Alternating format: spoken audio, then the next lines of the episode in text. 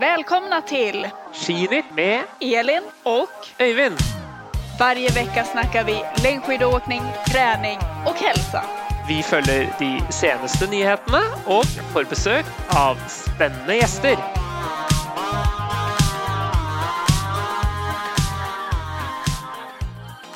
Välkommen till ett nytt avsnitt av Skidnytt. Den här veckan tänkte vi fokusera på Vasaloppet såklart, som är precis runt hörnet.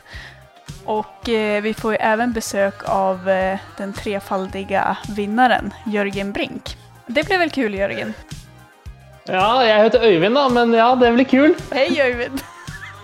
Ja, kanskje vi bare skal ta hele den på nytt igjen. Ja, men det er bra, det. Um, ja, men det. Vi gleder oss til det, um, Elin. Vi har jo, um, jeg har veldig gode minner fra Vasaloppet. Uh, et av mine favorittrenn. Um, så um, Vad är bästa Nej. placering? fire. Fire fra 2016. Mm. Det var litt er surt. Ja, men jeg føler jeg har noe litt ugjort. Eh, spesielt de siste par årene på, når vi var på lager 157, så syns jeg kanskje at eh, jeg burde ha fått ut eh, litt eh, mer. Og kanskje ikke så heldig med ski og ja, litt sånn tilfeldigheter som gjorde at ikke det var helt At det ble stang ut mer enn stang inn. da. Men eh, også litt i 2016, da, da var jeg Det var jo stor spurtduell. Det var da Jon Christian Dahl vant Ja. vant. ehm, eh, og da var jeg eh, Hadde jeg mye krefter, men jeg ble litt sperra inne på oppløpet. Men ehm, ja, sånn var det. Og du Elin, hva er din beste plassering i Vasaloppet? Åh, jag har 11. Jag har åkt två gånger och jag känner väl inte att jag riktigt har lyckats i det loppet, ärligt talat. Första året då, då gick jag mig väldigt tom på energi faktiskt. Det var, nog, det var ju riktigt dritt före då och jag var ute över fem timmar. Eh, ja, det, det är nog faktiskt första och enda gången som jag verkligen gick mig tom på energi. Men då, då var det slitigt sista biten och då sa jag när jag kom i mål att jag ska aldrig mer göra det här. Det sa jag, men det gjorde jag ju en gång till. eh, och det var ju i fjol då, och det, det var ju ett betydligt finare lopp. Eh, men nej, Man- fick man inte riktigt till som jag önskade att jag skulle få. Man glemmer litt at Vasaloppet er langt. altså det er Selv for oss som, som når man er topptrent, så er ni mil er langt. og Det er eh, to mil lenger enn Marcialonga f.eks. Og selv om det er relativt flatt og, altså Jeg pleier å si at eh, hvis du tror Vasaloppet er flatt, så er det veldig mye bakker. Og hvis du tror det er mye bakker i Vasaloppet, så, det, så kommer det til å være veldig flatt. Eh, og- men det er liksom spesielt på slutten her, fra, fra Oksberg og inn. altså Det er gnetikt, som dere sier i Sverige. Eh, Ja. eh, og um, ja, det, hvis man først får det, så det, blir det langt hjem. Ja, sen ska man ju ha lite tur med föret också, kan man ju säga. Det skiljer ju, på mina två år skilde ju över en timme. Och i fjol tyckte jag att ja, men då susar det ju på ganska fort ut för Risbergsbacken och man förstår att motionärerna tycker att det går lite fort här. Men mitt första år så vet jag inte ens om jag märkte av de där Risbergsbackarna utför. Nei, altså Vi har jo det, det snøværet som kommer inn, eh, så- Vasa-forbannelsen, som har vært mange år. da, og Selv i fjor, da, selv om det var veldig raskt føre, så kom jo den lille snøen Ja. som, gjorde, som la seg i sporet, som gjorde at vi måtte stå utenfor sporet. Eh, så um, vi får se da i, i år om det Det er vel ikke meldt noe, men eh, det regner med at det dukker opp noe snø der på, på lørdagskveld Ja, natt. i vanlig ordning så är ju Tjejvasan alltid fantastisk. Ja, det har väl varit två, tre år sedan som det var riktigt blött, men annars så är det varenda gång jag åkt så har det ju varit fint före, strålande sol och sen kommer Vasaloppet och då blir det annat. Ja. Nei, vi får se hvordan det blir i år. Men eh, ja, vi skal snakke mye med, med Jørgen om eh, Vasaloppet. eh, Så vi får se litt på det andre som har skjedd da, før. Det har jo vært junior eh, Jeg vil kanskje starte med de store. da, i eh, Verdenscup i Lahti. Er det noe Der kommer jo deres frelsere. Jag tänkte Slog säga att det? var ju en stor dag för svensk herrskidåkning. Det, det behövde vi och det var riktigt, riktigt bra. Väldigt imponerande. Jag tror att det var många som nästan hade det på, på känn. Att, det var många Alltså, som sa Johan att... Jag, Olsson? ja, han sa det och jag vet eh, min sambo Anton sa det också här innan vi började kolla på skidorna. Han bara, nej nu måste vi gå och kolla på Ville när han ska ta sin första pallplats. Mm. Så att jag tror att det var många som hade det på känn. Och han visar ju på OS att han var i bra form. Och nu fick han till det. Ja, väldigt imponerande måten han eh, gjorde det på. Så det, mm, det var bra. Eh, och så var det ju tight duell mellom Johaug och Neprjaeva i, Mm. på herresida. Och det var ju tight duell. Det var ju så vidt Klæbo klarte å slå eh, Shanava på eh, herresprinten. Mm. Eh, Så mye tighte dueller. Og så var det jo i vanlig, det vanlige ordning eh, svensk storeslem på eh, jentesprintsida. Ja, där har ni ju faktiskt någonting att bita i. Ja, alle, alle har å bite i. ni, ja, alla har det.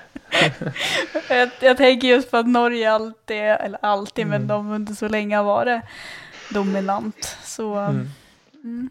Ja, det er, det er det nå dere som er, og det har jo vært noen år òg. Så det har jo ikke vært sånn sett noe. Og det, det, verste, altså, eller det verste, det for dere, er jo at dere har jo til og med altså, en viss svan som eh, ikke er med engang. Så, Nej. Nej, precis. Och det känns, alltså... Nu ska jag inte säga att man inte märker att hon är borta, såklart så saknar man ju henne i skidspåret, men förstår du vad jag menar? Att de andra tjejerna levererar så, så bra resultat ändå, så att rent resultatmässigt så märks det ju inte på det sättet. Men det ska bli kul att få tillbaka henne. Um, og så har det vært junior-VM og U23-VM på Lygna. Um, det har jo vært ganske Jeg vet dere sendte det, så det ble sendt til SVT, og det ble sendt på NRK. Vi gitt masse tid, det. Uh, altså Det var jo morsomt. Altså vi hadde jo, jeg vet ikke, Det gikk vel ikke så veldig bra for Sverige. Det var vel Moa Hansson vant vel sprinten der, gjorde hun ikke det? Uh, Ja, exakt. Jag har tyvärr inte kunnat följt de liksom sändningarna, utan jag har ju bara hängt med lite i resultaten, men det stämmer ju. Mm, og så tror jeg, og så var, og så var det veldig uflaks med han Anger, Edvin Anger, som eh, falt i finalen på sprinten og uh, mista medalje der. Mm. Eh, men nå kan det hende at jeg tar litt feil, men jeg tror ikke det ble så mange andre svenske medaljer. Men eh, eh, det er mulig jeg tar feil. I hvert fall i Norge også så ble det ikke noe sånn supermesterskap. Vi, vi tok sprintene de siste dagene, den siste dagen, eh, og så tok man også begge, altså stafetten for kvinnene. Men eh, det er jo, du må si at det er mye spennende sveitsiske løpere, og framfor alt mange veldig gode russere. Da, som, eh, de tok jo bl.a. firedobbelt på 30 km i junior-VM for herrene der. Eh, Så det er nok eh, det, det gror godt bak eh, Aleksandr Bolsjunov og, og Denis Spitsov i, i Russland også. Mm. Eh, Ja. og, Ste ja, og Stefanova også. Hun er jo ung og litt sånn fryktløs dame som gjorde en veldig god stafettetappe på, på siste dagen av, eh, eh, av mesterskapet. Så vi skal nok få litt å slite med der. Eh, nei, men du, eh, skal vi rett og slett eh, ta inn Jørgen, eller? Jag tycker det.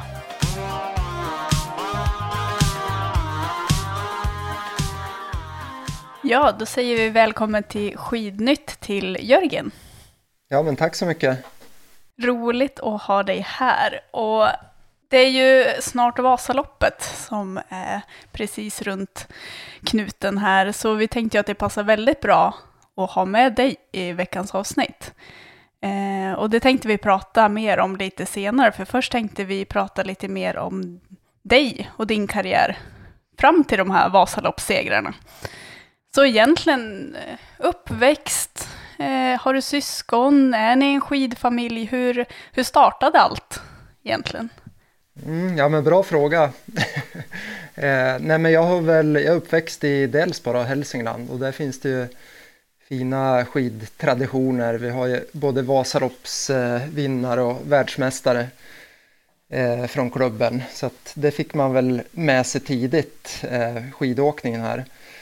Ehm, så jag höll väl på med de flesta idrottare, eller flesta ska jag inte säga, men många idrotter och det var väl mera bollsporter som jag var mest intresserad av. Så eh, det var väl det jag hade liksom fokus på. Sen kom väl skidorna lite senare och eh, strax innan gymnasiet då vart det väl mer att jag valde skidor kan man säga. Men annars var det mycket, det var lite löpning, eh, fotboll såklart då. Eh, bandy spelade jag. Eh, det finns ju ett bandybälte som man säger i Hälsingland, många lag där, så jag spelade Ljusdal under ett antal år. Badminton, ja, lite allt möjligt. Sen provar man ju på idrotter då.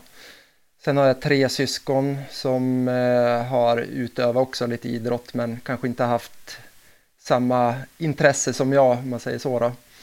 Men eh, vi var väldigt aktiva tror jag som, som eh, unga. Men, kan jag komma med en fråga Jörgen? Vad är det som gjorde att du valde eh, langrenn? Alltså när du var fotboll och bandy, och hva, var det något med individuell idrott som gjorde att du drog mer i dig än lagidrott? Eller? Ja, nej, men det var väl kanske det. Annars var väl fotboll liksom kanske mer nummer ett fram till jag nästan var 15 och 16 och då blir det ju att då är det ju valet till gymnasiet. Och sen var det väl att eh, det började gå bra på skidåkningen eller jag var med och utvecklas väldigt mycket de där åren. Så det gjorde väl också att det, det spelade liksom in. Sen var vi en väldigt bra grupp tyckte jag i klubben på den tiden i åldrarna kring mig då, både strax över och under. Så att det var social miljö som var bra. Eh, så det tror jag bidrog också en hel del. Mm, du sa att du utvecklades mycket under de där åren. Var du den här ungdomsstjärnan? Eh, ja, men ser man på resultaten om när jag var 15-16 så var jag väl ungdomsstjärna om man säger så. Då, då vann jag USM både som 15 och 16-åring. Ehm, men innan där så, ehm, ja, jag var väl med men eh, jag vann ju inte på något sätt så utan det finns ju någonting, eller fanns i alla fall någonting som heter Kalanka Cup och det är ju för 13-14-åringar då. Då har jag för mig att jag var runt 20 och topp 10 kanske sista året där.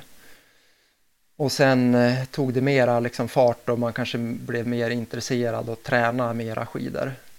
Och sen kom man in på skidgymnasiet i Sollefteå här, eh, ja, när man blev eh, junior helt enkelt. Och då var det väl mera definitivt om man säger.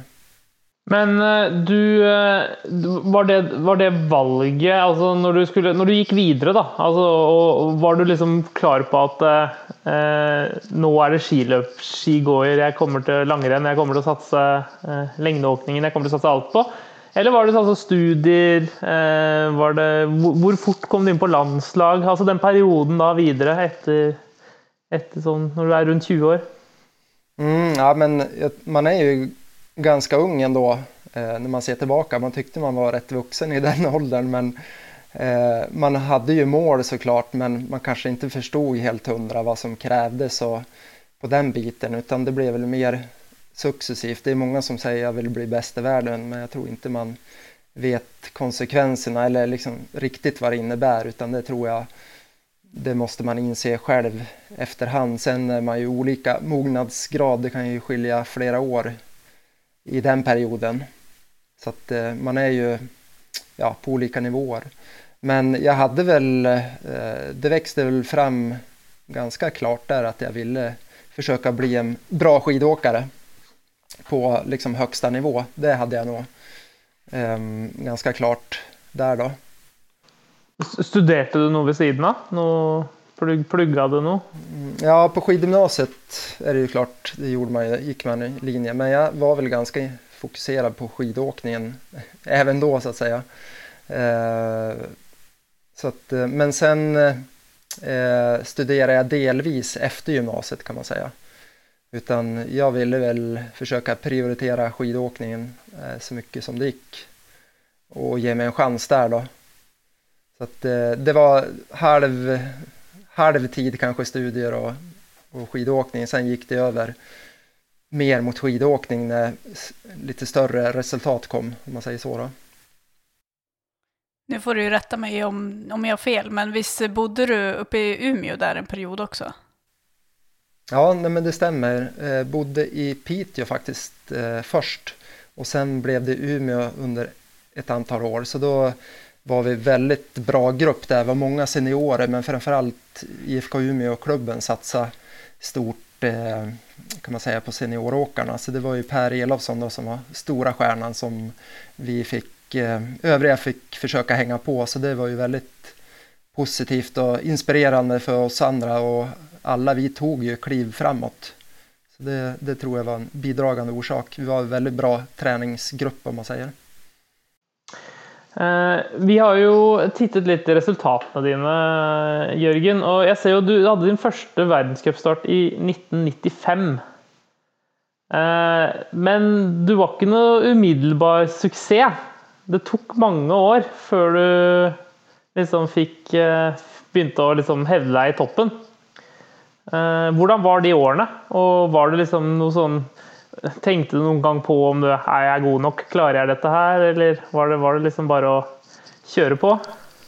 Ja, nej men eh, tvivlen fanns ju. Det kändes ju ganska långt fram en period där och som du säger, jag kommer inte undra om det var i Sunne tror jag, det var en sprint.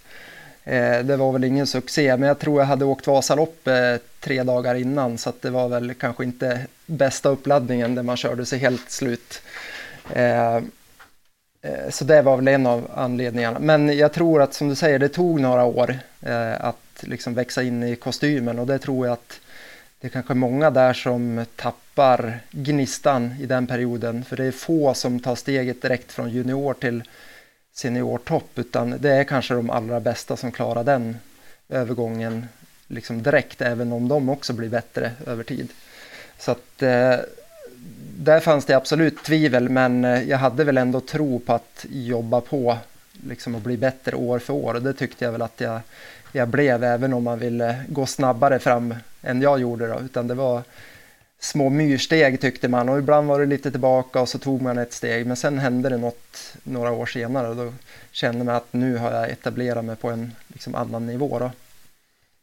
Eh, har du, noe, altså du var jo best i sprint først. Gjorde du noe spesielt? Altså nå, sprint var jo helt annerledes på, på den tiden da, enn den eh, er i dag. Men, men, gjorde du noe spesielt for å bli god i sprint? Og hadde du liksom sånn en fokus på at nå jeg skal bli god i sprint, eller jobbet du for å bli best på de lengre distansene? Mm, ja, nej men sprinten kom väl i den vevan 98-99 så då jag var väl inte direkt på där utan det var andra som var tidigare skulle jag säga. Jag hade väl fokus på distans och sen var det väl bara, tror jag, att eh, eh, jag var väl hyfsat naturligt snabb om man säger. Jag tränade egentligen inte sprint på det sättet utan eh, kunde ändå hävda mig på den tiden. Nu har det utvecklats till, ja men åkningen är lite annorlunda och så vidare. Men jag hade ju ingen fokus bara på sprint utan det, det var nog mer att jag kvalade in eh, lättare i sprint om man säger så och distanstävlingarna på världscup där, där var det mer att jag fick köra eh, skandinavisk cup och den typen av tävlingar. Eh, och så kommer vi fram till 2002-säsongen. Eh, eh, hvor du liksom verkligen börjar att eh, eh, Eller egentligen 2003-säsongen, som är verkligen det stora genombrottet. Eh, hvordan, vad var det som skedde då? Ja, nej, men det var väl mer att eh, jag var väl på G där redan 99 tror jag och eh, då gjorde jag flera bra resultat och hade väl själv tycker jag ganska mycket stolpe ut med. Det var eh, när jag var väldigt bra form och avgörande tävlingar. De misslyckas lite med materialet och sen hade vi någon sista uttagning till VM i, nu ska vi se, Seefeld var det faktiskt Eh, för att komma med. Där hade jag åkt bra där egentligen hela säsongen. Och då var vi tre stycken som tampas om två platser men då blev jag magsjuk, matförgiftad då, två dagar innan. Så att då, den gick ju i vasken då tyvärr. Men eh, jag fick ju avsluta bra den säsongen med några världscupstarter och eh, bra stafetter. Man kände att ja, men jag var ändå med på en okej okay nivå så att säga. Men jag tror att eh, jag hade ju en del sjukdomsproblem där 2000, 2001 och det var väl 2002 framåt några år där som jag fick eh, kontinuitet i träningen. Så det var ju det som gjorde det som jag såg det. Och fick rejäla lyft ja, men redan 2002. Eh, även om OS inte blev så väldigt lyckat då, men jag hade etablerat mig på en annan nivå, framförallt 2003 då där jag kunde ta ett rejält steg uppåt. Så, så jag tror där också, det, det krävs ju liksom tid, eh, träning över tid kontinuerligt. Eh, och det bygger man liksom lite sten på sten och där fick jag bitarna mer att falla på plats. Allt, eh, både material och träningen, fysiska, liksom allting man kände och sen den sista biten, det är ju ganska mycket mentalt. Man känner att man är med, liksom, då tar man någon procent till. Man bryter den där barriären liksom och man bevisar för sig själv att eh, jag kan ju det här. Ja, men exakt. Du hade ju kämpat lite motvind tyckte jag. Alltså, man vill ju, jag borde kunna åka bättre, var liksom man tyckte man lagt ner tid och eh, men kanske inte fått haft den här kontinuiteten som jag pratade om. Utan det var ju den som fattas. Och så kommer vi jo till VM i Val di Fiemme, da. Og det er jo om du ser på sånn karrieren din, sånn, altså antall verdenscuppaller og, og seier og sånn, så är det ju også med den, det mästerskapet du gör i Val di Fiemme der, er jo veldig, veldig bra. Och det är selv det vi i Norge kanske husker bäst, och jeg vet ikke Sverige också, da, den stafetten. da. Eh, hvordan var det mästerskapet? Och då också kanske litt sånn med tanke på vi har ju fått höra i eftertid att eh, alltså det var hjärteflimmer som, som var något av orsaken till den kollapsen. Var det något som du märkte för första gången då? Eller hade du liksom, nu när du ser tillbaka på det, hade du fått tecken till att det kunde ske? Eller ja, hvordan, hvordan var hela den uppladdningen? Mm, nej, men det var ju som du sa, eh, verkligen ett bra mästerskap, eller det bästa jag gjorde. Då. Allt klaffade egentligen och hade haft väldigt bra ingång och allt möjligt. Eh, och eh, men just det här med hjärtproblematiken, det var första gången 99, 98, 99 där någon gång. Och då blev man ju ganska rädd när man fick, för då visste jag inte vad det var. Men, eh, och det tog egentligen många år innan man visste exakt vad det var, när man fångade de här sekvenserna. Då. Utan man kunde ju kanske ringa in det om man säger så och utesluta saker, utan man kom fram till ändå att eh, kortare sekvenser som det var så är det, var det en godartad variant om man säger. Och eh, det är, var inte flimmer som jag förstod utan det är hjärtrusningar då. Eh, det är en ledningsbana där man kan, där impulsen går runt och man eh, får inte syre på rätt sätt utan man blir stum helt enkelt då. Eh, och det, det syntes ju ganska klart att man blev det. Så att det, det blir ju en, en syrebrist. Och, eh, jag hade ju haft det där flertalet eh, tillfällen innan. Så, och sen vart så det... Du vis mm, jag visste om ja, det. du visste vad som, kom, vad som skedde. Du märkte att oj, sören, det, det var inte så bra liksom, att det sker nu. Liksom. Ja, nej, inte helt hundra vet man ju inte. Har jag haft pulsklocka har man ju vetat exakt liksom, för då ser man att eh, pulsen går i skyhögt, den kan vara 230 fast jag har 190 maxpuls. Så förstår man att det, det tickar på ganska bra. Men eh, jag hade det i perioder också lite mer, men ibland kan det vara varje vecka, det kan gå någon månad mellan och så, ja men lite så. Det är och sen hade jag mera periodvis då. Men jag hade aldrig haft det på tävling tidigare då, utan mer på träningar, framförallt om jag startar upp intervaller eller kör impulser eller lite sådär, om man är mer sliten och ja, kroppen är nedkörd verkar det som att det är lättare att det dyker upp igen. Blev man liksom eh, rädd för det där? Alltså, förstår du vad jag menar? Att man vet att det kan ske. Blir man liksom rädd för att oj, det kanske kan ske? Eller lär man sig att hantera det? Ja, nej, jag tänkte nog inte så mycket på det då, om jag tänker efter. Nu minns man ju inte allt liksom på det sättet, men jag upplevde inte att jag tänkte, åh oh shit, nu kan det hända. Men eh, visst fanns det väl i bakhuvudet att, att man hade det liksom. Eh, medveten om det. Men det var inte vad jag kan minnas, oj, nu kan jag få hjärtflimmer. Eh, utan nej, det, det tror jag inte. Men just den där VM-stafetten då, alltså jag tycker ju att det är Ja, du har ju fått dragis med det här och blev påmind om det många gånger och det är tråkigt. Eh, jag tycker också att man kanske ska se att det faktiskt blev en bromsmedalj med tanke på vad som faktiskt skedde. Eh, men... Eh, ja, nej men det har lika gärna kunnat sluta med att, jag, att vi har blivit fyra eller femma. Det, det var nog inte långt borta. Har det varit en backe till, nu hade jag ju lite tur, eller tur ska man inte säga, men sista backen och hem då är det ju i princip bara utför. Så att har det varit mm. en backe till då tror jag att ja, jag har ju stått still där, eller att det har mm. blivit eh, något liknande. Så det, ja, nu var inte... Men var det liksom eh, medvetet som ni liksom inte gick ut med vad det var som skedde? Ja, nej, men jag, jag, var nog lite i chock där också och ville väl inte skylla på något. Man, jag visste inte heller, även om man kände att eh, lite vad det var om man säger då. Eh, så att, ja, jag kan inte förklara riktigt, men det blev att man inte sa någonting i alla fall runt det eftersom man inte eh, visste hundra och sen, ja, det, det vart så surrealistiskt alltihop där. Mm. Men det vi må, ja, vi må ikke glemme det at uh, du da faktisk uh, Jeg vet ikke hvor mange dager etterpå det var, eh, tre-fire dager, hvor du da tar bronse på 50 km. Så det viser jo det at det satt jo ikke lenge i kroppen. Uh. Mm, nej, men det är ju så med de sekvenserna. Det är inte att man blir sänkt en vecka eller så, utan det är ju egentligen under den perioden man har de här sekvenserna. Eh, och då går det ju som inte akt eller aktiveras fysiskt på det sättet men eh, sen när de väl går, går över då finns det ju liksom inga begränsningar på det sättet utan det är ju när man har dem där då är det ju stopp liksom, det går inte att göra någonting. Och sen finns det ju skillnader, nu har jag haft turen, liksom inte haft längre men får man längre och det kan ju vara upp till en timme eller längre Eh, flera timmar, då är det ju inte bra utan då måste man gå in och bränna som jag förstått det. Då finns det ju risk för blodpropp liksom.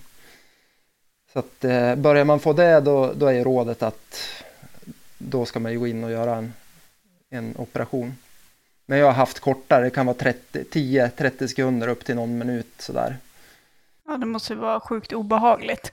Är det någonting du har känt, alltså har upplevt även på senare år? Om du är typ ute och tränar, ett hårdare pass till exempel? Mm, ja, nej men det har jag haft ja. hela tiden. Jag hade ja. betydligt mer efter den där perioden då. Eh, eller det VMet ska jag säga, åren efter. Sen vart det lite bättre, men jag har ju, har ju fortfarande, jag hade senast förra veckan mm. en sekvens, så det, det finns ju där. Eh.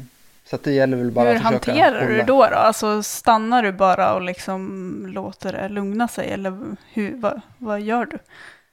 Ja, är jag ute och tränar då är det ju bara ett, då är det ju att stanna. Ehm, jag blir stum även om jag åker sakta. Alltså åker jag, tar mig bara framåt liksom, då kan det vara 200 i puls. Ehm, så då kan ni tänka när man ska börja ta i då, då, då går det fort att det, krafterna sinar. Men ehm, Eh, jag gör väl inget speciellt alltså på det sättet. Det är mer att man försöker Ja, men det är väl viktigt att få bra sömn och eh, inte stressa och ja, men hela den biten, även om det är svårt ibland. Man kanske inte lever alltid som man, som man lär, om man säger så. Då. Eh, hvis vi går videre da, fra det VM-et og de sesongene etterpå der, så, så, ser man jo at det virker jo ikke som at det går flyter like bra på. Eh, hva var det som skjedde da? Ja, nej, men det stämmer väl. Man ville ju mycket där och träna kanske periodvis lite ja, men tufft. Och så gick det inte riktigt som man hade hoppats. Så jag, jag tog väl kanske inte riktigt eh, de, återhämtningen där riktigt på ett bra sätt då, som jag skulle behöva, utan man körde på lite mera. Eh, framförallt under tävlingssäsong också, man eh, tog inte det breaken tror jag som man skulle behöva, utan det följde med lite grann. Ofta var det väl kanske bättre under sommar och hösten, så att, eh, som det kan vara för många, och så får man någon sjukdom, hade ofta någon där i november, december som vart lite ihängande och så blir säsongen lite eh, ja, försenad på något sätt och man ja, det blev inte bra helt enkelt. Det kan man ju konstatera. Var, var, du en som tränade väldigt mycket? Hade du stora, var du en alltså, tusen timmar och sånt, eller var du en som tränade lite och låg på 500-600? Och... Det var nog mellanting. Jag tror att i perioder tränar jag mycket, om man säger då. Det beror på schemat. Man tänker, men jag tränar absolut inte tusen timmar där, men mm. eh, upp mot 800-850 då, någonstans där. Sen är det lite vad man gör på timmarna också då, så det är svårt att jämföra riktigt.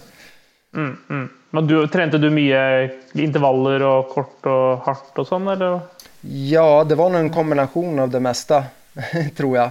Ja, så, eh, så att, eh, jag hade nog med många delar, så ibland kanske det blev för mycket av allting, eller i förhållande för mm. mycket fart till mängden, om man säger så. Då. Mm. Um, så jag var väl eh. inte speciell, specialiserad på något på det sättet. Skjønner. Men eh, så i 2007 så finner du ut att du ska gå Vasaloppet. Eller hade du gjort detta genom hela, hela den perioden här? Eller var det första gången du gick sedan du var ung? Mm, jag åkte ju första gången 97 då, faktiskt. Och då var det ett riktigt skitföre. Plusgrader och Eh, blött kan man säga. Så det var riktigt slitigt och då var jag var inte förberedd träningsmässigt utan det var bara mer en, ja men man ska ju åka Vasaloppet någon gång. Och det passade in liksom i schemat och det var för övrigt då, några dagar innan den här sprinten som jag gjorde i världskuppen. Eh, gick helt i väggen med några mil kvar. Eh, så jag tror sista milen, jag tror jag blev ändå, vad blev jag, 27 kan jag blivit det. Eh, tror jag tappade 10-12 minuter sista milen bara på täten där. Så då var det ja. knappt styrfart hem och då sa jag väl typ att jag ska aldrig åka det här skitloppet igen. Men eh, det hade jag redan glömt till året efter, 98, så det var andra året då. Då var det ju rekordföre Peter Göransson vann. Och eh, då var jag, visste jag lite mer vad det handlade om. Jag hade inte förberett mig liksom under året på det sättet utan hade tränat kanske mer sista månaden sådär. Och då var ju inte stakningen liksom utbredd som den är nu då, utan det var mer att få in kanske lite längre pass och sådär. Så då hade man lite mera hum, så då vart jag nia har jag för mig då. då. Så då var det ju en annan känsla, positiv känsla. Ja, men det här vill jag nog åka igen någon gång. Så det vart ju 2007 då. Eh, genom att eh, jag kom inte med till Sapporo på VM där. Och då ja, fanns det egentligen inga andra tävlingar utan då passar det bra att köra eh, Vasaloppet helt enkelt. Och det gick ju bra också. Ja, nej men det får man väl säga. Eh, mm. Så då kände man men, men du, ja, du tappade spurten mot Jörgen Eikland. Ja, det stämmer. Exakt, ja men det var tajt, tajt där. Eh, en, en fot eller vad det nu blev. Eh, det jag kommer ihåg att det var väl lite nysnö då, gick hyfsat tungt i alla fall. Jag kommer ihåg att det var ett långt upplopp tyckte jag. Man ska ligga och spurta. Eh, men, eh, nej, men det var en rolig upplevelse. Så då. Så, men det var väl inte att jag kände nu ska jag bli långloppsåkare där heller utan det kom vad skedde då i 08-09? Då blev det plötsligt då blev det plötsligt skiskytting. Ja. ja, men precis. Eller 07-08 då om man tar. Ja, ja nej, men Wolfgang var väl ute och ragga skidåkare egentligen för att göra bra skidskyttar om man säger så. Mm. Man hade en bra grund i skidåkningen. Så han hade väl frågat ett antal gånger redan 2000 har jag för mig. Och då Björn Ferry då, var ju med i det här gänget i Umeå där vi tränade. Så han bytte faktiskt då, då det var 2002, det året inför OS i Salt Lake. Och han kom ju med där och blev 17 eh, om jag inte minns fel på en sprint så det var ju riktigt bra. Så han var ju supertalent som mm. Wolfgang sa. um, så jag fick väl chansen där och hade väl var väl inte helt övertygad om att jag skulle byta. Dels för att eh, ja, men vi hade ju fått barn i den vevan då, och skidskytte det krävde ju ganska mycket, eller kräver mycket. Ja, men dels fysiska träningen, eh, skyttet. Sen var det väldigt mycket läger, eller, eller långa läger ska jag säga, ofta tio, minst tio dagar. Och sen de här tävlingsperioderna, det var ju tre helger i rad då, så man var ju borta väldigt mycket. Men jag måste säga att det var väldigt rolig tid och ett bra gäng och lite annorlunda träning mot jag var van vid. Så att det var väldigt eh, inspirerande tyckte jag i alla fall och lite nytt. Eh, även om man kanske skulle börja när man var betydligt yngre än vad jag var då. Hur många säsonger blev det i skidskytte? Jag körde ju tre säsonger då, eller två och en halv kan man säga. Eh, fram till 2010 där i januari, då gjorde jag sista skidskytte eh, tävlingen. Mm, så målet Men, var ju... Alltså, du, ja, du blev fem i världscupen, i världscupen, gjorde du inte det? Ja, bästa var Eh, femte plats då på före-OS i Vancouver, det var året innan, 2009 då. Och sen 2010, OS-året, då fungerade typ ingenting i början. Jag fick en sjukdom och så vart jag ja, sjuk igen och så var man väl typ tvungen att tävla för att eh, eh försöka komma med då. Eh, men det blev ju bara sämre så att ja, det blev inte alls bra. Så det rätta där var, hade tagit varit break, börja träna och sen fått tävla efter nyår kanske igen då. Angrar du på att du gav dig med skiskytte? Eh, nej, det gör jag inte. Men jag hade kanske haft större möjligheter om jag hade fortsatt då. Om man säger så. Nu hade jag lagt ner väldigt mycket tid under två och ett halvt år. Så jag hade nog fått betalt för den delen. Men jag kände väl att eh, det var för mycket uppoffring gentemot familj och så vidare för att liksom fortsätta och jag hade inte de framgångar tyckte jag som skulle motivera den delen. Utan det vart väl ganska enkelt val ändå i slutändan. Eh, du sa att träningen var lite eh, annorlunda som mot för vad du har gjort innan. Känner du att du hade nytta av den träningen sen när det blev långlopp? Var det någonting som fanns några likheter där eller? Ja, nej, men jag skulle säga att det var annorlunda träning. Det var ju mera vi tränade väl mer när vi tränade. Mer längre pass, halvhårda pass. Eh, lite så då. Så det hade jag väl med mig lite av det eh, tänket sen när jag fortsatte med långlopp. Så att även om jag inte kopierade det på något sätt så vissa delar fanns ju absolut med. Ehm, så det, den träningen Wolfgang hade det, det var ju lite mer av allt om man säger. Man hade kört eh, 30-40 minuter intervalltid tidigare, då var det ju 60-75 minuter kanske. Ofta. Absolut under uppbyggnadsperioden då. Sen var det ju kanske mindre inför tävlingar och så. Så att det var väl mer av det mesta kan man säga. Och sen var det betydligt mera eh, A2 eller Schwelle eller vad man skulle säga då. Alltså mera kontrollerad åkning och det var ju mycket för att Skytte, då kör man ju kombträning mycket för att få in skyttet. Man åker en kortare slinga på 2, 3, upp till 4 kilometer och så skjuter man. Eh, och då vill man ju också träna på ja, men lite högre puls och träningen var ju upplagd lite så. så att det var mer av den här mellanmjölksträningen om man säger så.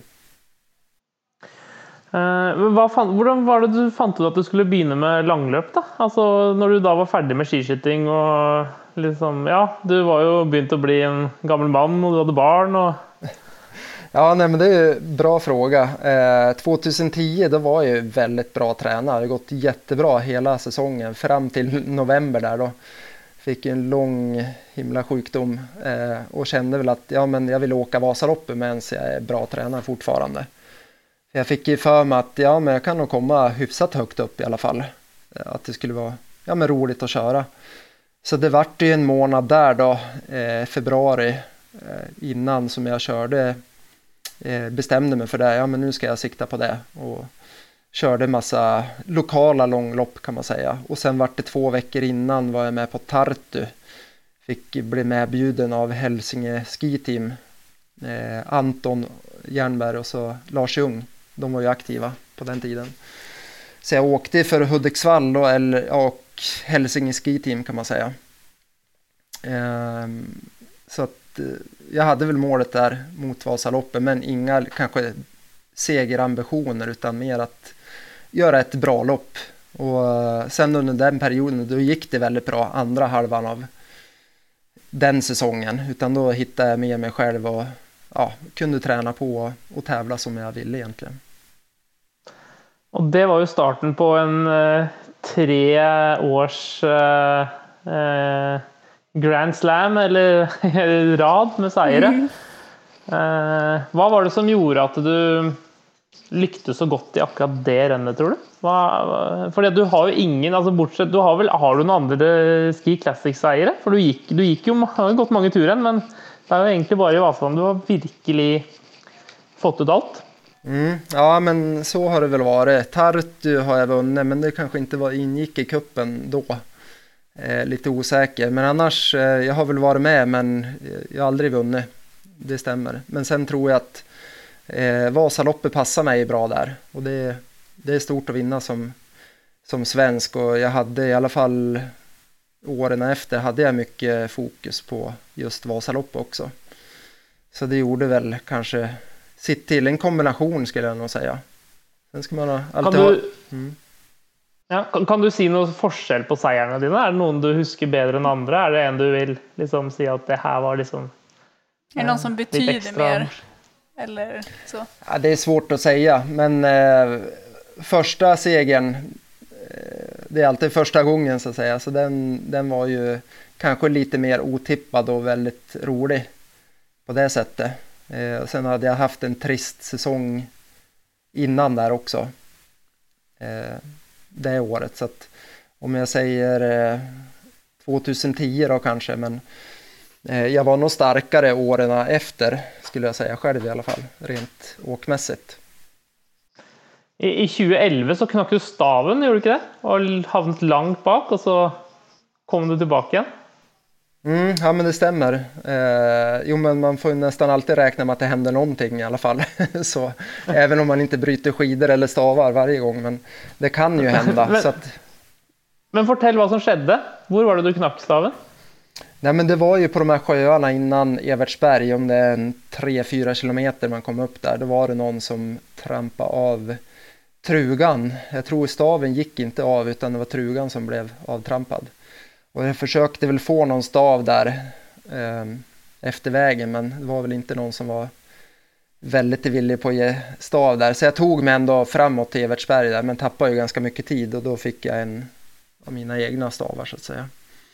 Så att därifrån då, då hade man väl eh, ja, man trodde kanske inte att man var med i segerdiskussionen även om man inte hade gett upp hoppet utan jag kände mig ju, hade väldigt bra skidor, jag var, kände mig stark så det var ju ganska snabbt så tror jag att jag var inne på att ja men nu ska jag göra mitt lopp och göra, liksom, åka så fort jag kan av det som är kvar då. Lång tid tog det innan du var kapp klungan igen? Ja men det dröjde ju, eller klunga, det var väl inte så många. Det var ju, om jag, jag kommer ihåg rätt nu, var det väl Jerry Alin, Anders Aukland och så var det någon, det var Rezak va? Har jag för mig. Så jag kommer fatt dem precis i Eldris vid kontrollen där. Och det, då är det ju klart man växer eh, ganska mycket där. Eh, och det hade, märkte jag ju innan att jag började få matchning efter ett tag där att ja men det var si och så mycket att man började ta in och det var en minut och det var 45 sekunder och sen började man se dem. Så att då är det klart att då inspireras man ju av, av det och jag kände mig fortsatt pigg. Eh, ja, När relativt. tog med? Mm. Eh, jag kom ifatt dem vid Eldris precis vid, innan kontrollen där, utförsbacken. Hade du åkt så, solo då hela vägen eller hade du sällskap bitvis fram till täten? Eller gjorde du allt jobb själv? Jag hade ju sällskap av eh, Andreasson. Eh, så vi växeldrog lite grann där under ett mm. tag och sen eh, var jag själv den andra halvan då. Så att jag hade ju lite teamkörning där. Så det, det är klart mm. att det hjälpte ju till. Det gjorde det. Mm. Jag tänker liksom hur tankegångarna går liksom. När man, för du måste ju ha känt dig stark tänker jag. Mm, ja, men jag var i kalaslag fysiskt så innan. Så att det, det, hade jag ju med mig och man vet ju Vasaloppet, det kan hända mycket. Och hade de bestämt sig där framme bara att bomba och köra så då kanske man inte har kommit ikapp, det vet jag inte. Men jag tror att de eh, körde nog relativt hårt i alla fall. Så jag gav ju inte upp så, utan men de första tankarna man bröt staven och man var en och en halv minut efter Evertsberg, det var väl inte att vinna, utan då, då var det mer att dela in loppet. Nu kör jag så fort jag kan fram till nästa kontroll och se vad som händer och så vidare. Så att det växte väl fram lite under, under vägen också. Mm. Ja, men det är bra för alla att ha med sig, alla som ska stå på start nu på söndag, att Vasaloppet är långt och man ska inte ge upp, det kan hända mycket. Mm, nej men absolut, det, det kan det absolut göra. Så att, eh, har man bara en strategi och tro på det själv så finns det alla, alla möjligheter. Ryktet säger ju att du vann Eh, Vasaloppet på det samma skiparet alla åren. Stämmer det? Att du hade ett Vasapar som... Mm, ja men det stämmer. Det var faktiskt ett, et eh, äldre par som jag fick till OS i Turin har för mig. Och jag tror att eh, Frode Estil har numret bredvid. Han har vunnit något VM-guld.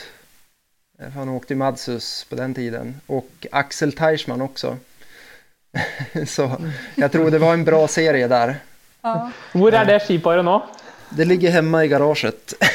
Gör det. Åker du på dem ibland? Du har, du har det fortsatt? Jo, jag har det. Nej, de ligger fint på hyllan. Så de, eh, det var ett tag sedan jag åkte på dem. Men, eh, nej, men det, det var väldigt kul att de passar min åkning, alltså det är ett lite hårdare spann på dem och ja, de var bra helt enkelt och vallade efter min, mitt åksätt så att säga. Och de var eh, typ samma vallning tror jag att jag åkte. Det var ganska likt före alla de där tre åren. Inte sista då kanske dock. Men... Men, men, eh, men, det var lite speciellt med dig Jörgen, det husker jag. Alltså, du, var det så, alltså, gick du någon langlöp bara på blanka ski? Eller var det så att, för jag, alltså, hade du alltid lite fäste under? Mm, ja, hade det, men... Precis, jo jag eh, stakar nog inte ett enda lopp vad jag kan minnas i alla fall fram till 2014.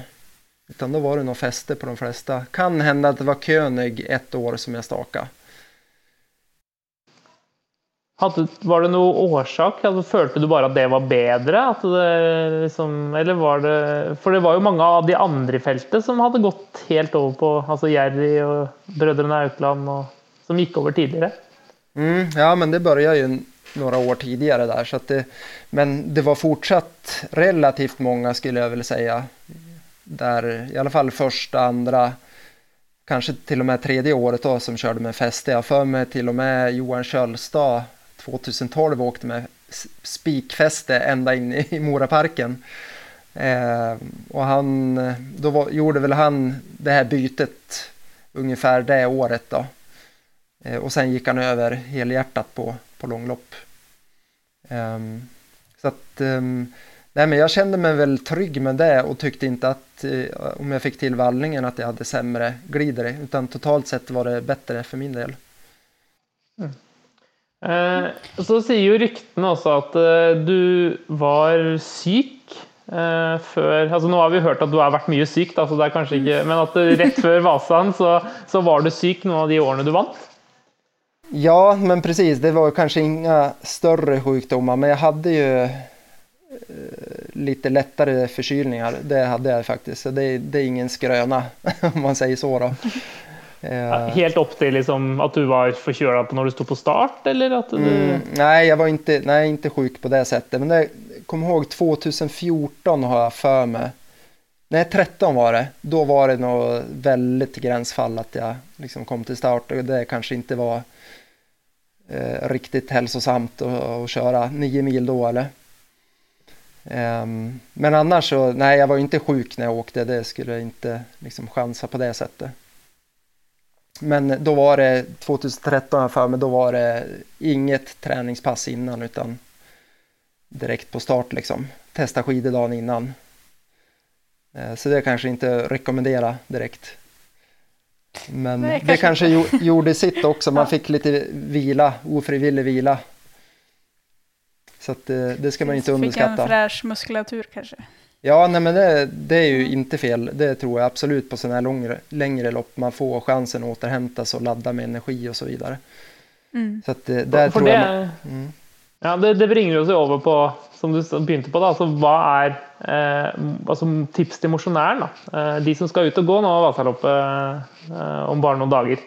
Eh, nå hva de kan gjøre de siste dagene eh, for å optimalisere chansen och tiden, tiden sin.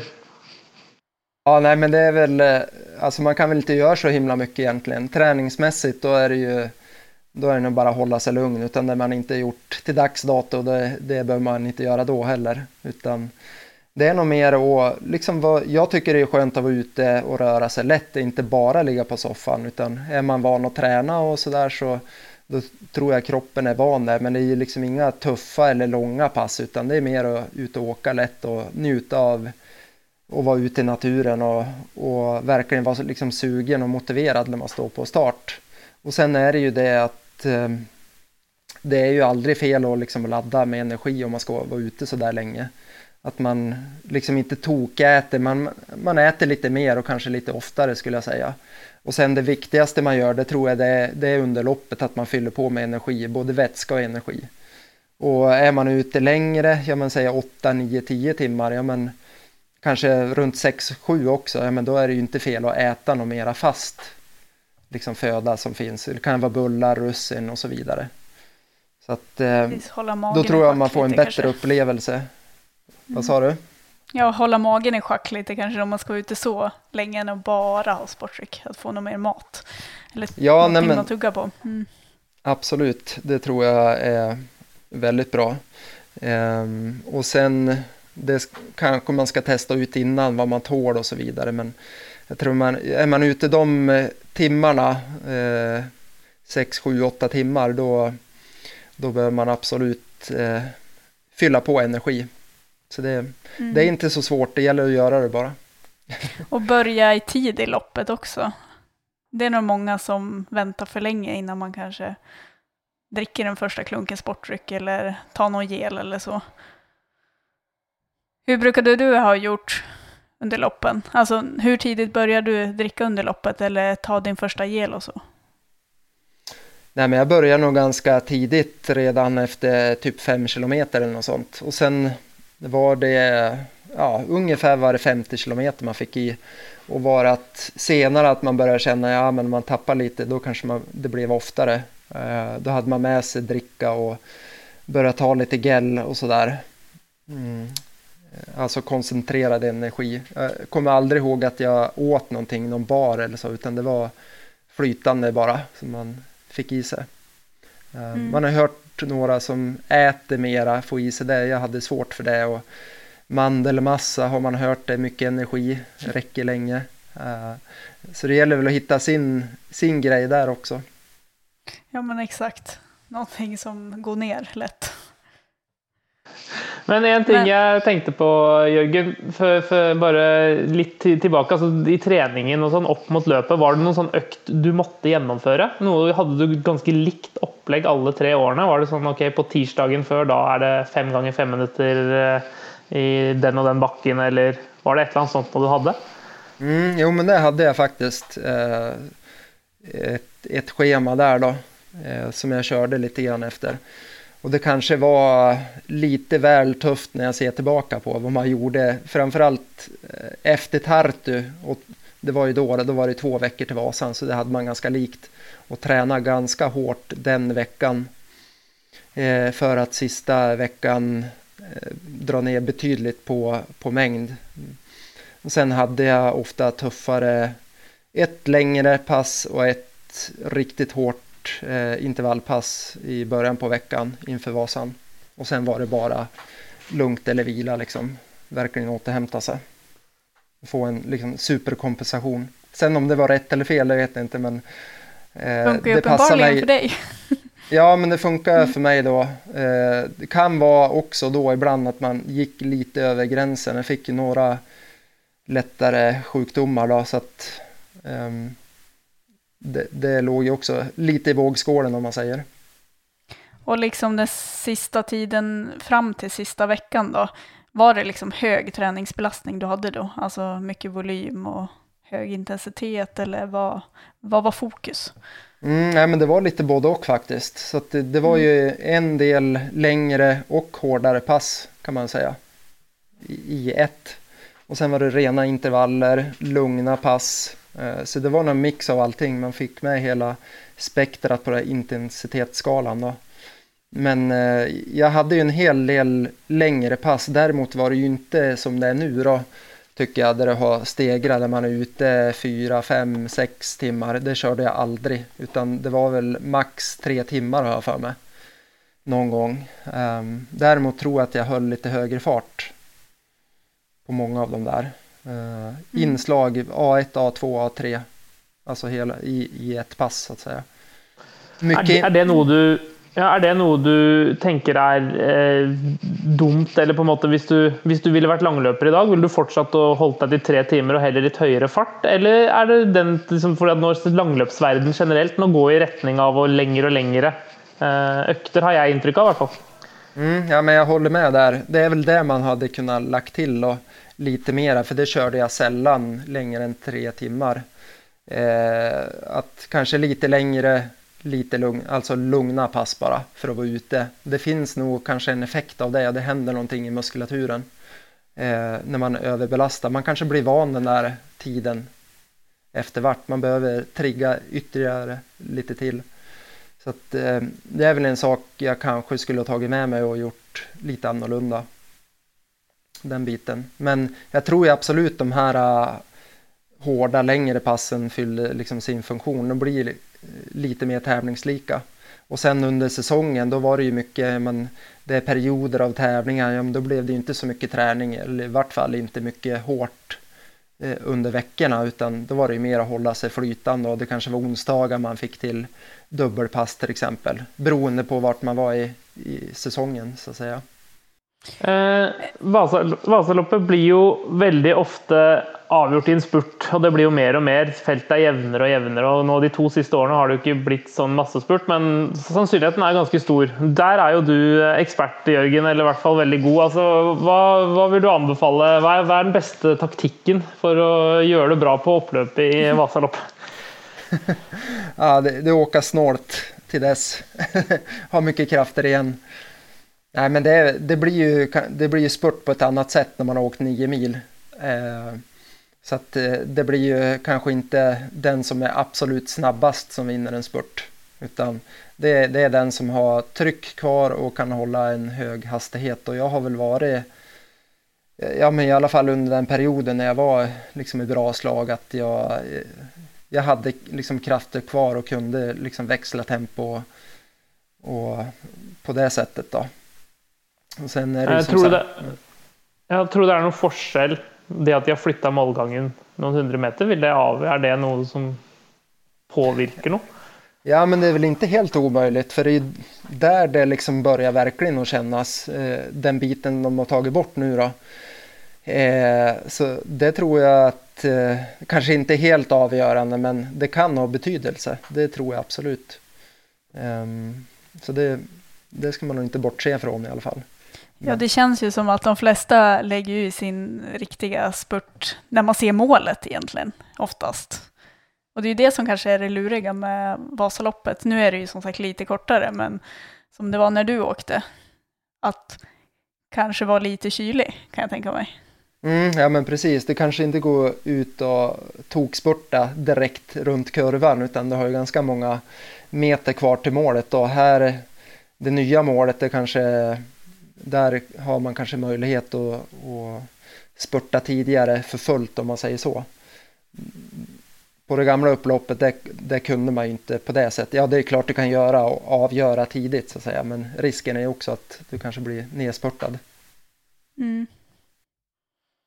Ja, det är i alla fall häftigt att du har korsat den där mållinjen först tre gånger på rad dessutom. Ja, nej, men det får man ju vara tacksam över och man har vuxit upp lite med Vasaloppet också och ja. suttit i tv-soffan och med frukost och titta och eh, så att eh, det får man ju vara väldigt tacksam över som sagt så det absolut.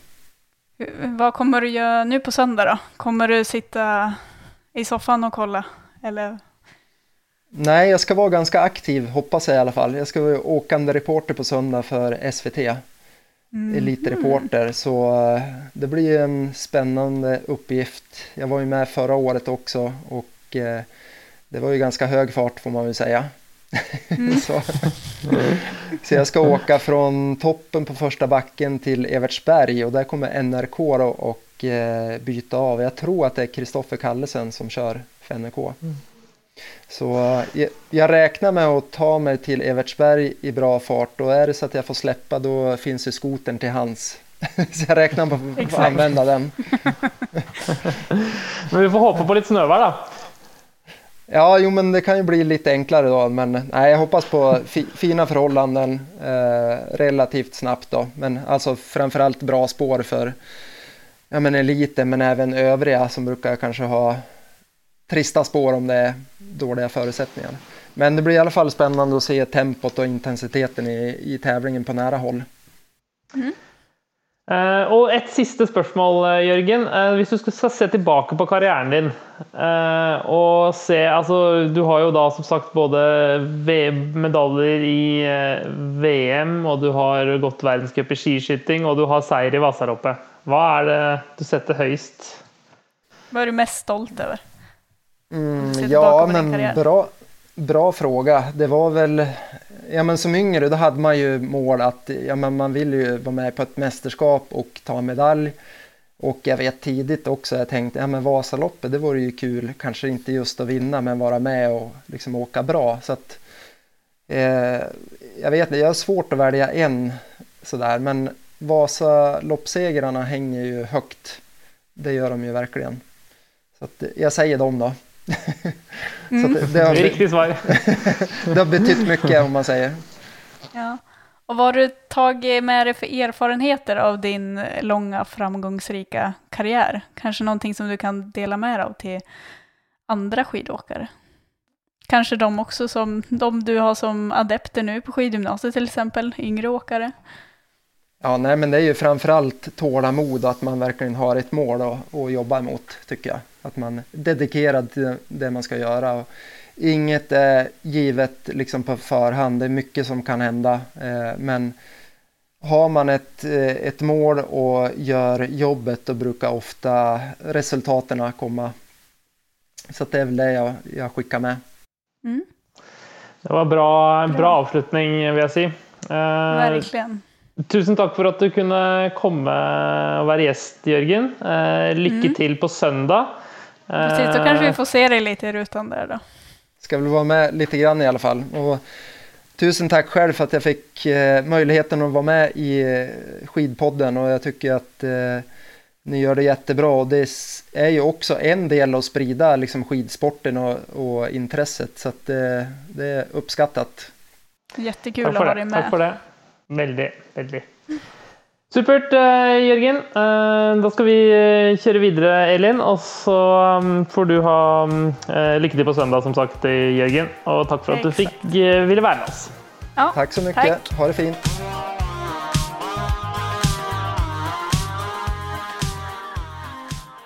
ja, det där var Jörgen Brink. Lærte du noe, Elin? Massor. Ja, nu vet jag jag ska spurta. Nu vet jag jag ska spurta på, i, i Moraparken så nu funderar jag på att åka nästa år. Og så synes jeg det var gøy å høre Jørgen. Jeg, jeg, er, jo, altså jeg er jo skinerd og, og syns det er morsomt å Altså Jørgen er en sånn, i hvert fall i Norge, som han er veldig god, og vi snakker, vi snakker jo hele tida om å gå på en brink. Det er blitt liksom et sånt ord alle, alle i Norge skjønner.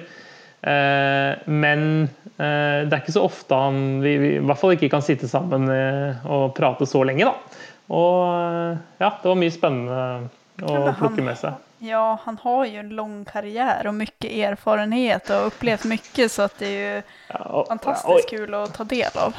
Og én ting er jo en lang karriere, men altså når han da både har vært i, tatt VM-medalje i tradisjonelt langrenn, har vært nummer fem i verdenscupen i skiskyting og vunnet Vasaloppet tre ganger. Eh, Ja, samtidig exakt. som han var der helt fra starten av når sprinten begynte. og Eh, og han har virkelig vært med på en, en ekstrem reise da, fra, fra han begynte karrieren sin. Verkligen. Multitalang. Nej men också tycker jag intressant det här liksom i, som vi pratade om i början, att liksom han var inte, alltså det tog några år innan han verkligen slog igenom. Det tycker jag också är väldigt intressant att höra. Det finns ju Mm. fler exempel på. Exempel Mm. Daniel Rickardsson och Mm. Ja. många Men- fler men som jag det- inte nämner här. Men det är intressant att höra liksom att det är inte bara de här som är riktiga un- ungdomsstjärnor i 20-årsålder som alltid blir... Att det inte bara är de som blir bäst. Men, men er det ja, er, det, er det på vei litt ut? Altså, det, er det, det, det er jo noe vi kan diskutere i en egen podkast, men altså det der at det er blitt Jeg har inntrykk av at det blir flere og flere Altså Enten så er du god når du er 25, eller så blir du ikke god. Eh, jeg vet ikke om det er noe som At det er noe med måten vi trener på, eller, eh, eller om det er eh, Kanskje vi, kanskje vi begynner mer seriøst tidligere enn man gjorde tidligere, altså før? Som gjør at Det eh, man, tror jag definitivt. Det ser du ju bland ungdomar redan. Hur, Vilken skillnad det egentligen bara sedan du och jag var i den åldern. Jeg Hur det det satsar på ett annat sätt. Og det gjør kanskje at man tar ut potensialet sitt tidligere også enn det, enn det vi gjorde. Kanskje det kan være en. Jeg ikke. Det tror jag säkert. Är En bidragande orsak. Vi får se, vi får ta det i neste eller en annen episode. Eh, Men eh, neste uke eh, så er det da selvfølgelig Vasaloppet på søndag. eh, Og det skal jo gås eh, halvvase, skal det det? Er det Nå spiller vi inn på, på tirsdag Mm, her, da. precis tisdag och det var loppet nu på söndag. Ja. Eh, jag törs inte säga exakt vilken dag. Nei, og så er det jo Vasan er faktisk- stafettvasan, og så er det jo nattvasan og i det hele tatt. Og så øppet spår, og så det er jo masse Vasa hele uka. Ja, det är ju hela veckan är det. Du får følge med på leng.se og langrenn.com, så får du oppdateringer. Ja, exakt. Eh, og så er det jo også verdenscup i skiskyting i Kontiolahti. Den starter opp igjen eh, etter OL. Og så er det verdenscup i langrenn i Drammen på torsdag. Eh, den er litt vanskelig å huske. Torsdag er ikke vanlig dag for eh, skirenn, men det må dere få med dere. Eh, og så er det det klassiske Holmenkoll-helgen da, med tremil for jentene på lørdag og femmil for gutta på søndag. Mm, det ser vi fram emot. Det är ju ändå höjdpunkten på världscupsäsongen.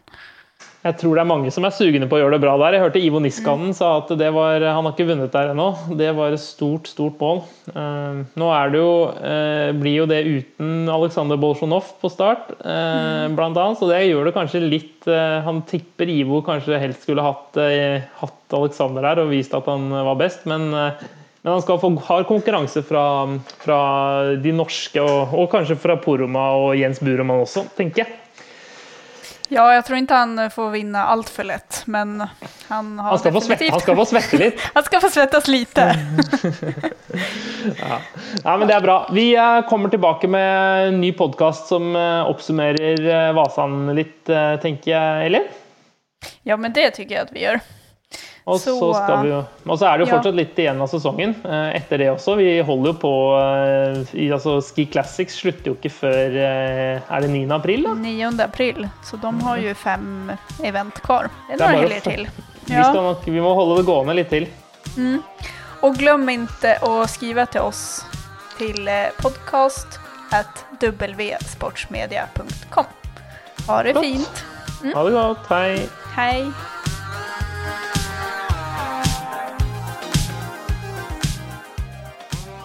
This podcast is a W Sports Media production.